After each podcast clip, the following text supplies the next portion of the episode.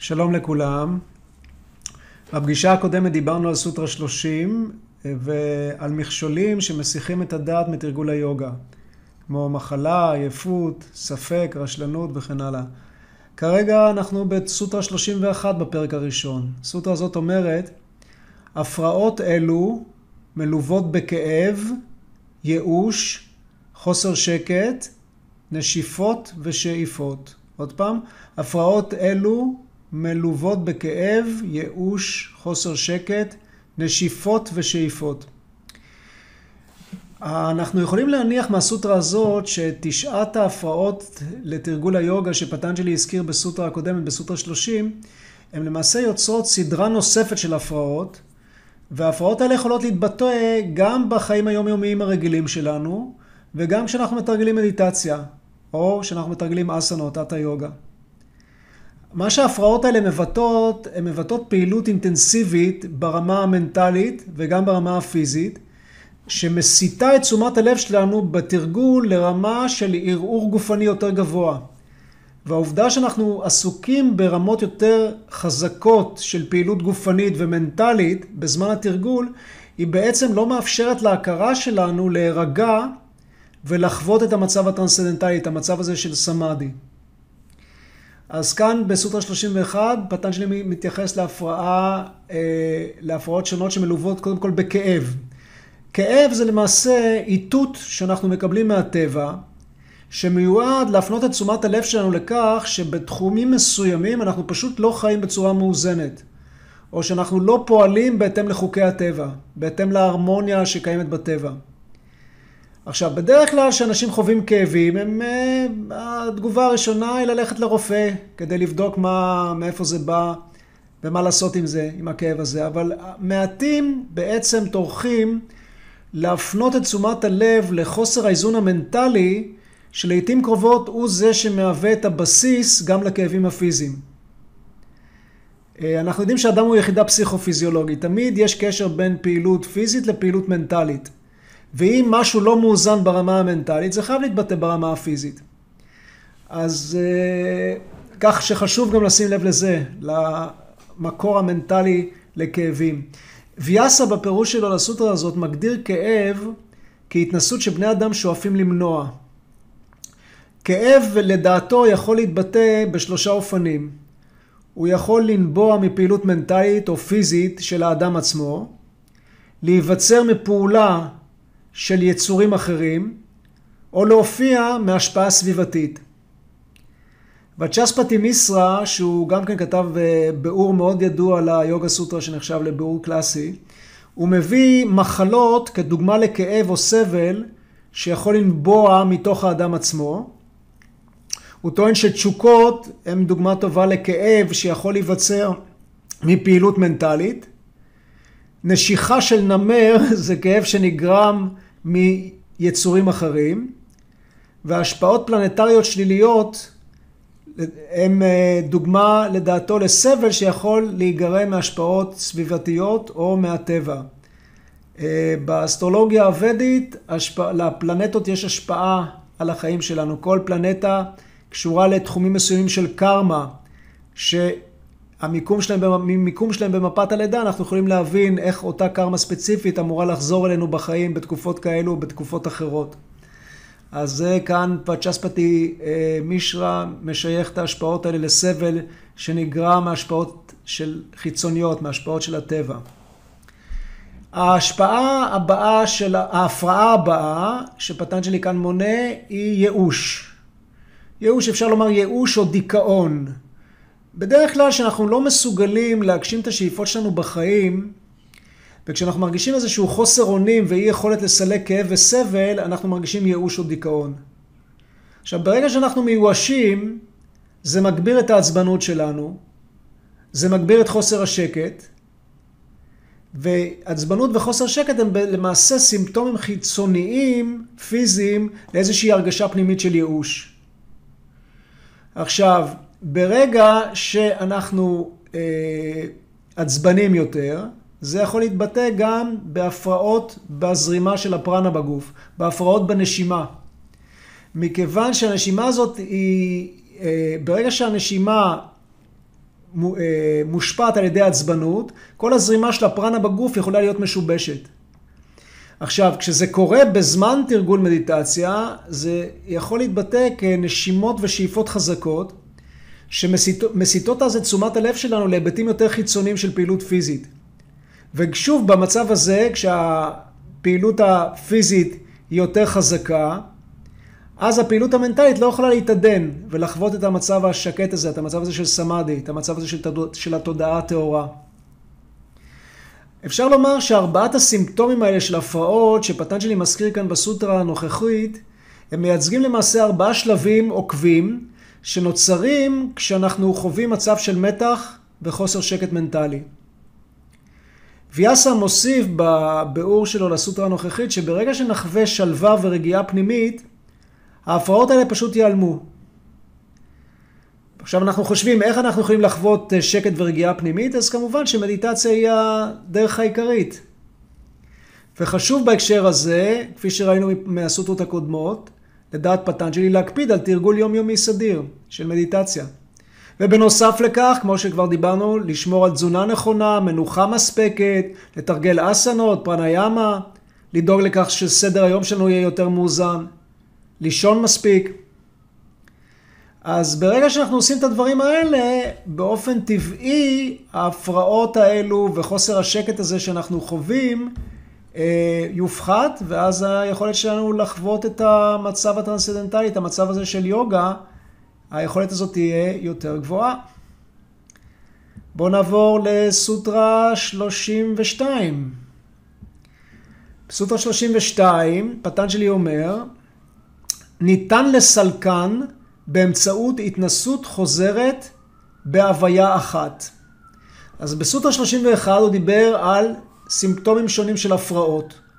הפרעות לתרגול היוגה.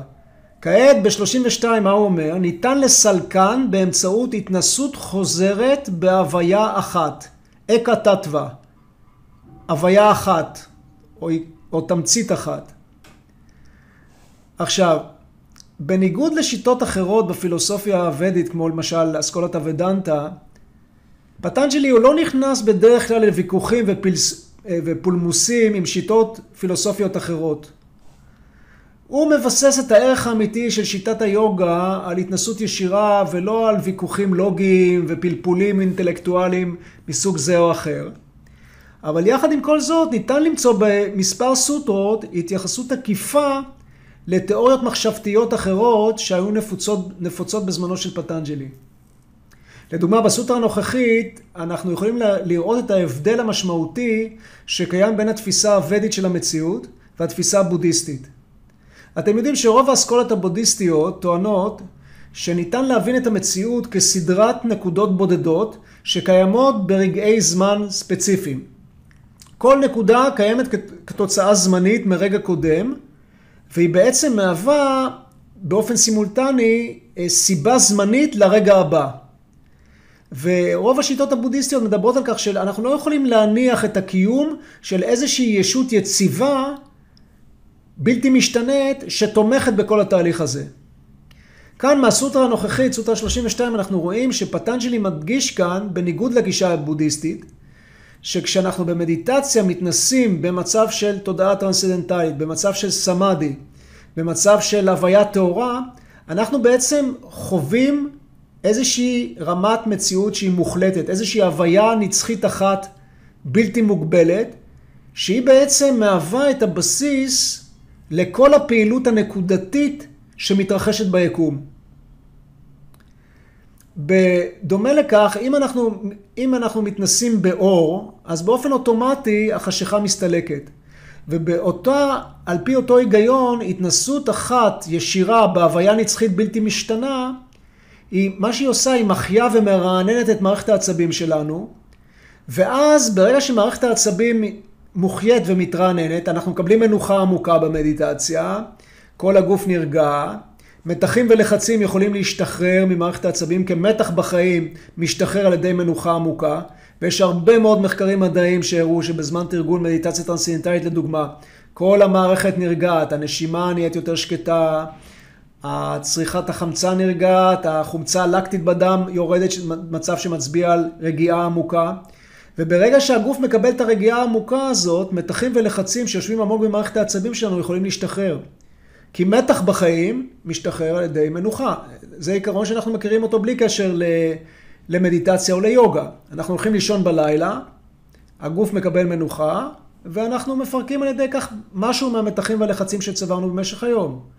אולם בגלל שכמות המתח היא כל כך גדולה, בגלל שאנחנו קולטים כל כך הרבה לחצים ומתחים מהסביבה, השינה לא מסוגלת לסלק את כל המתחים, ואז אנחנו מתחילים לצבור מתח ולאגור אותו מיום ליום.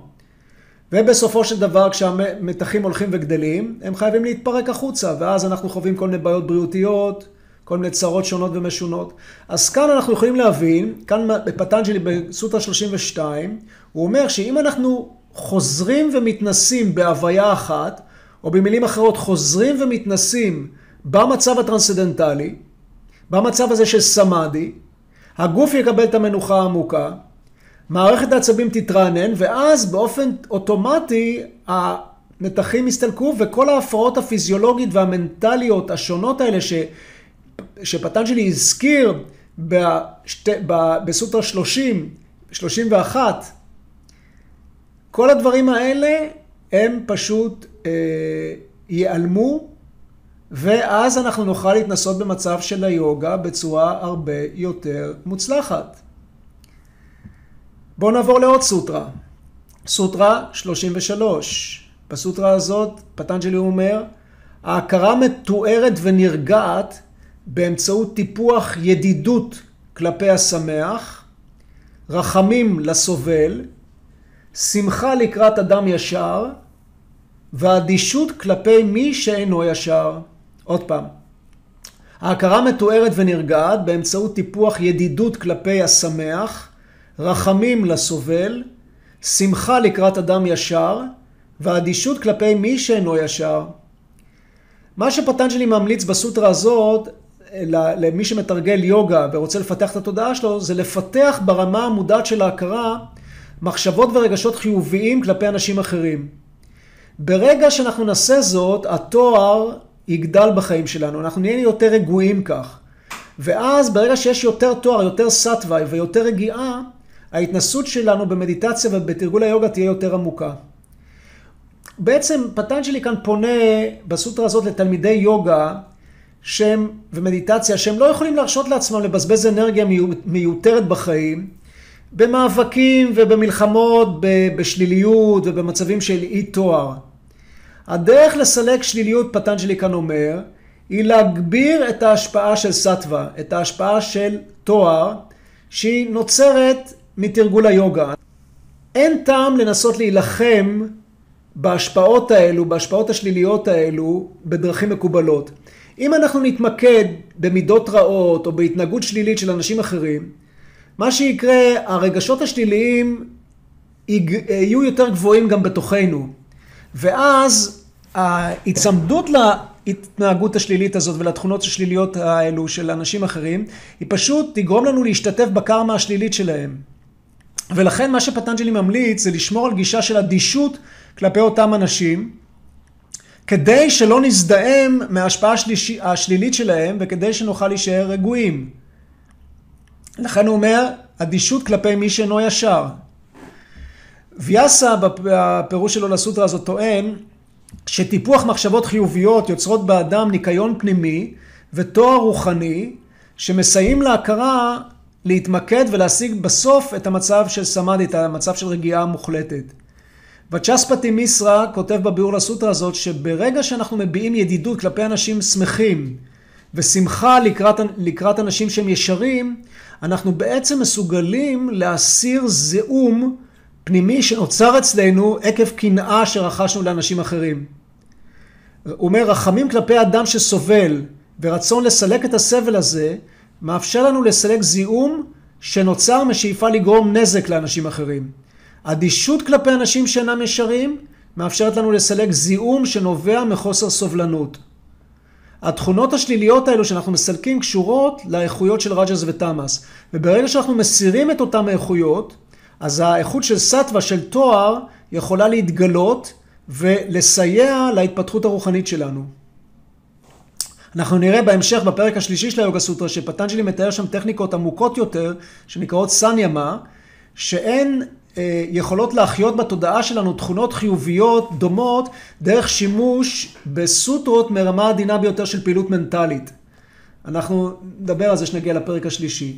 כאן בסוטרה הנוכחית, אה, אנחנו, יש כאן דגש של פטנג'לי ששיטת היוגה היא לא קשורה בהכרח למסורת של הסתלקות מהעולם. כי אתם יודעים, מישהו נזיר, אז הוא לא בכלל בא באינטראקציה עם אנשים אחרים, לא כל כך אה, משנה לו, אנשים כן ישרים, לא ישרים, כן סובלים, לא סובלים, כן...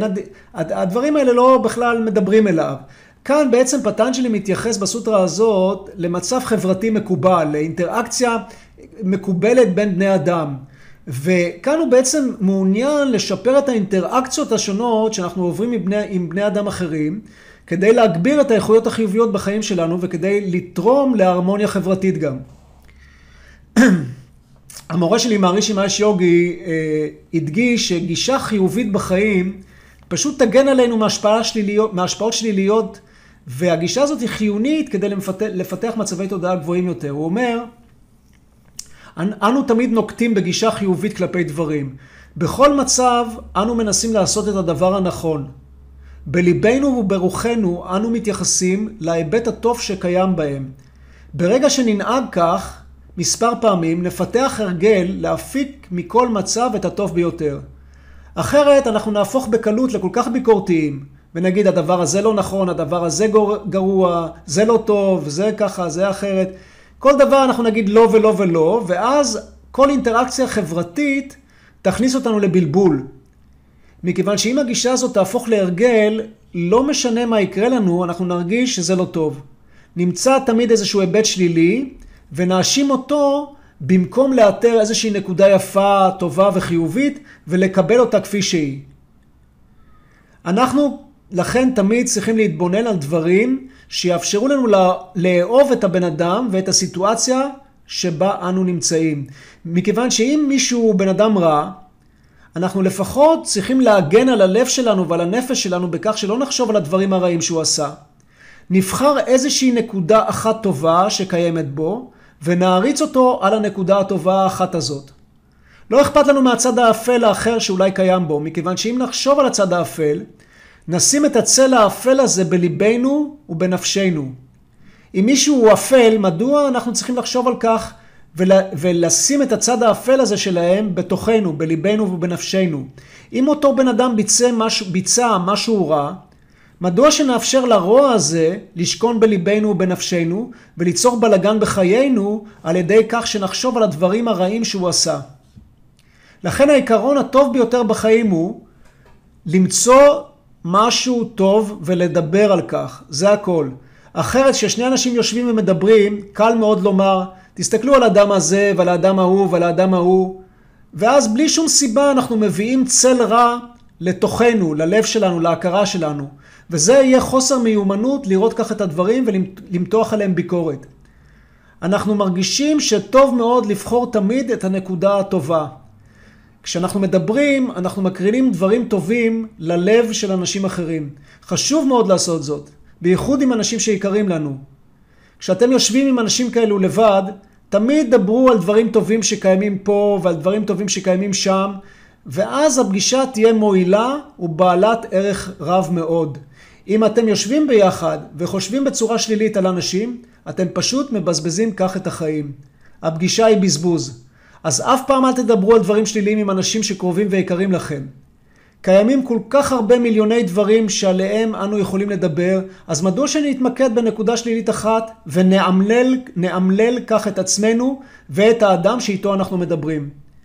חשוב מאוד לכן להשריש את ההרגל של התבוננות בנקודות טובות שקיימות באנשים אחרים, וקל מאוד לעשות זאת, בייחוד כשאנחנו מתרגלים מדיטציה ויכולים כך לסלוח יותר לאנשים אחרים. אז להיות חיובי, להיות, לראות את היופי ואת הטוב שנמצא בסביבנו, יגביר כך את התואר שלנו בחיים ויגשים את התנאים האלה שכאן פטנג'לי מדבר עליהם, ידידות כלפי השמח, חכמים לסובל, שמחה לקראת אדם ישר ואדישות למי שאינו ישר. ואז ההכרה שלנו תהיה יותר מתוארת ורגועה ונוכל לחוות את המצב של היוגה, את המצב של הסמאדי ביתר קלות. אז שמחתי לדבר איתכם ונתראה בפעם הבאה.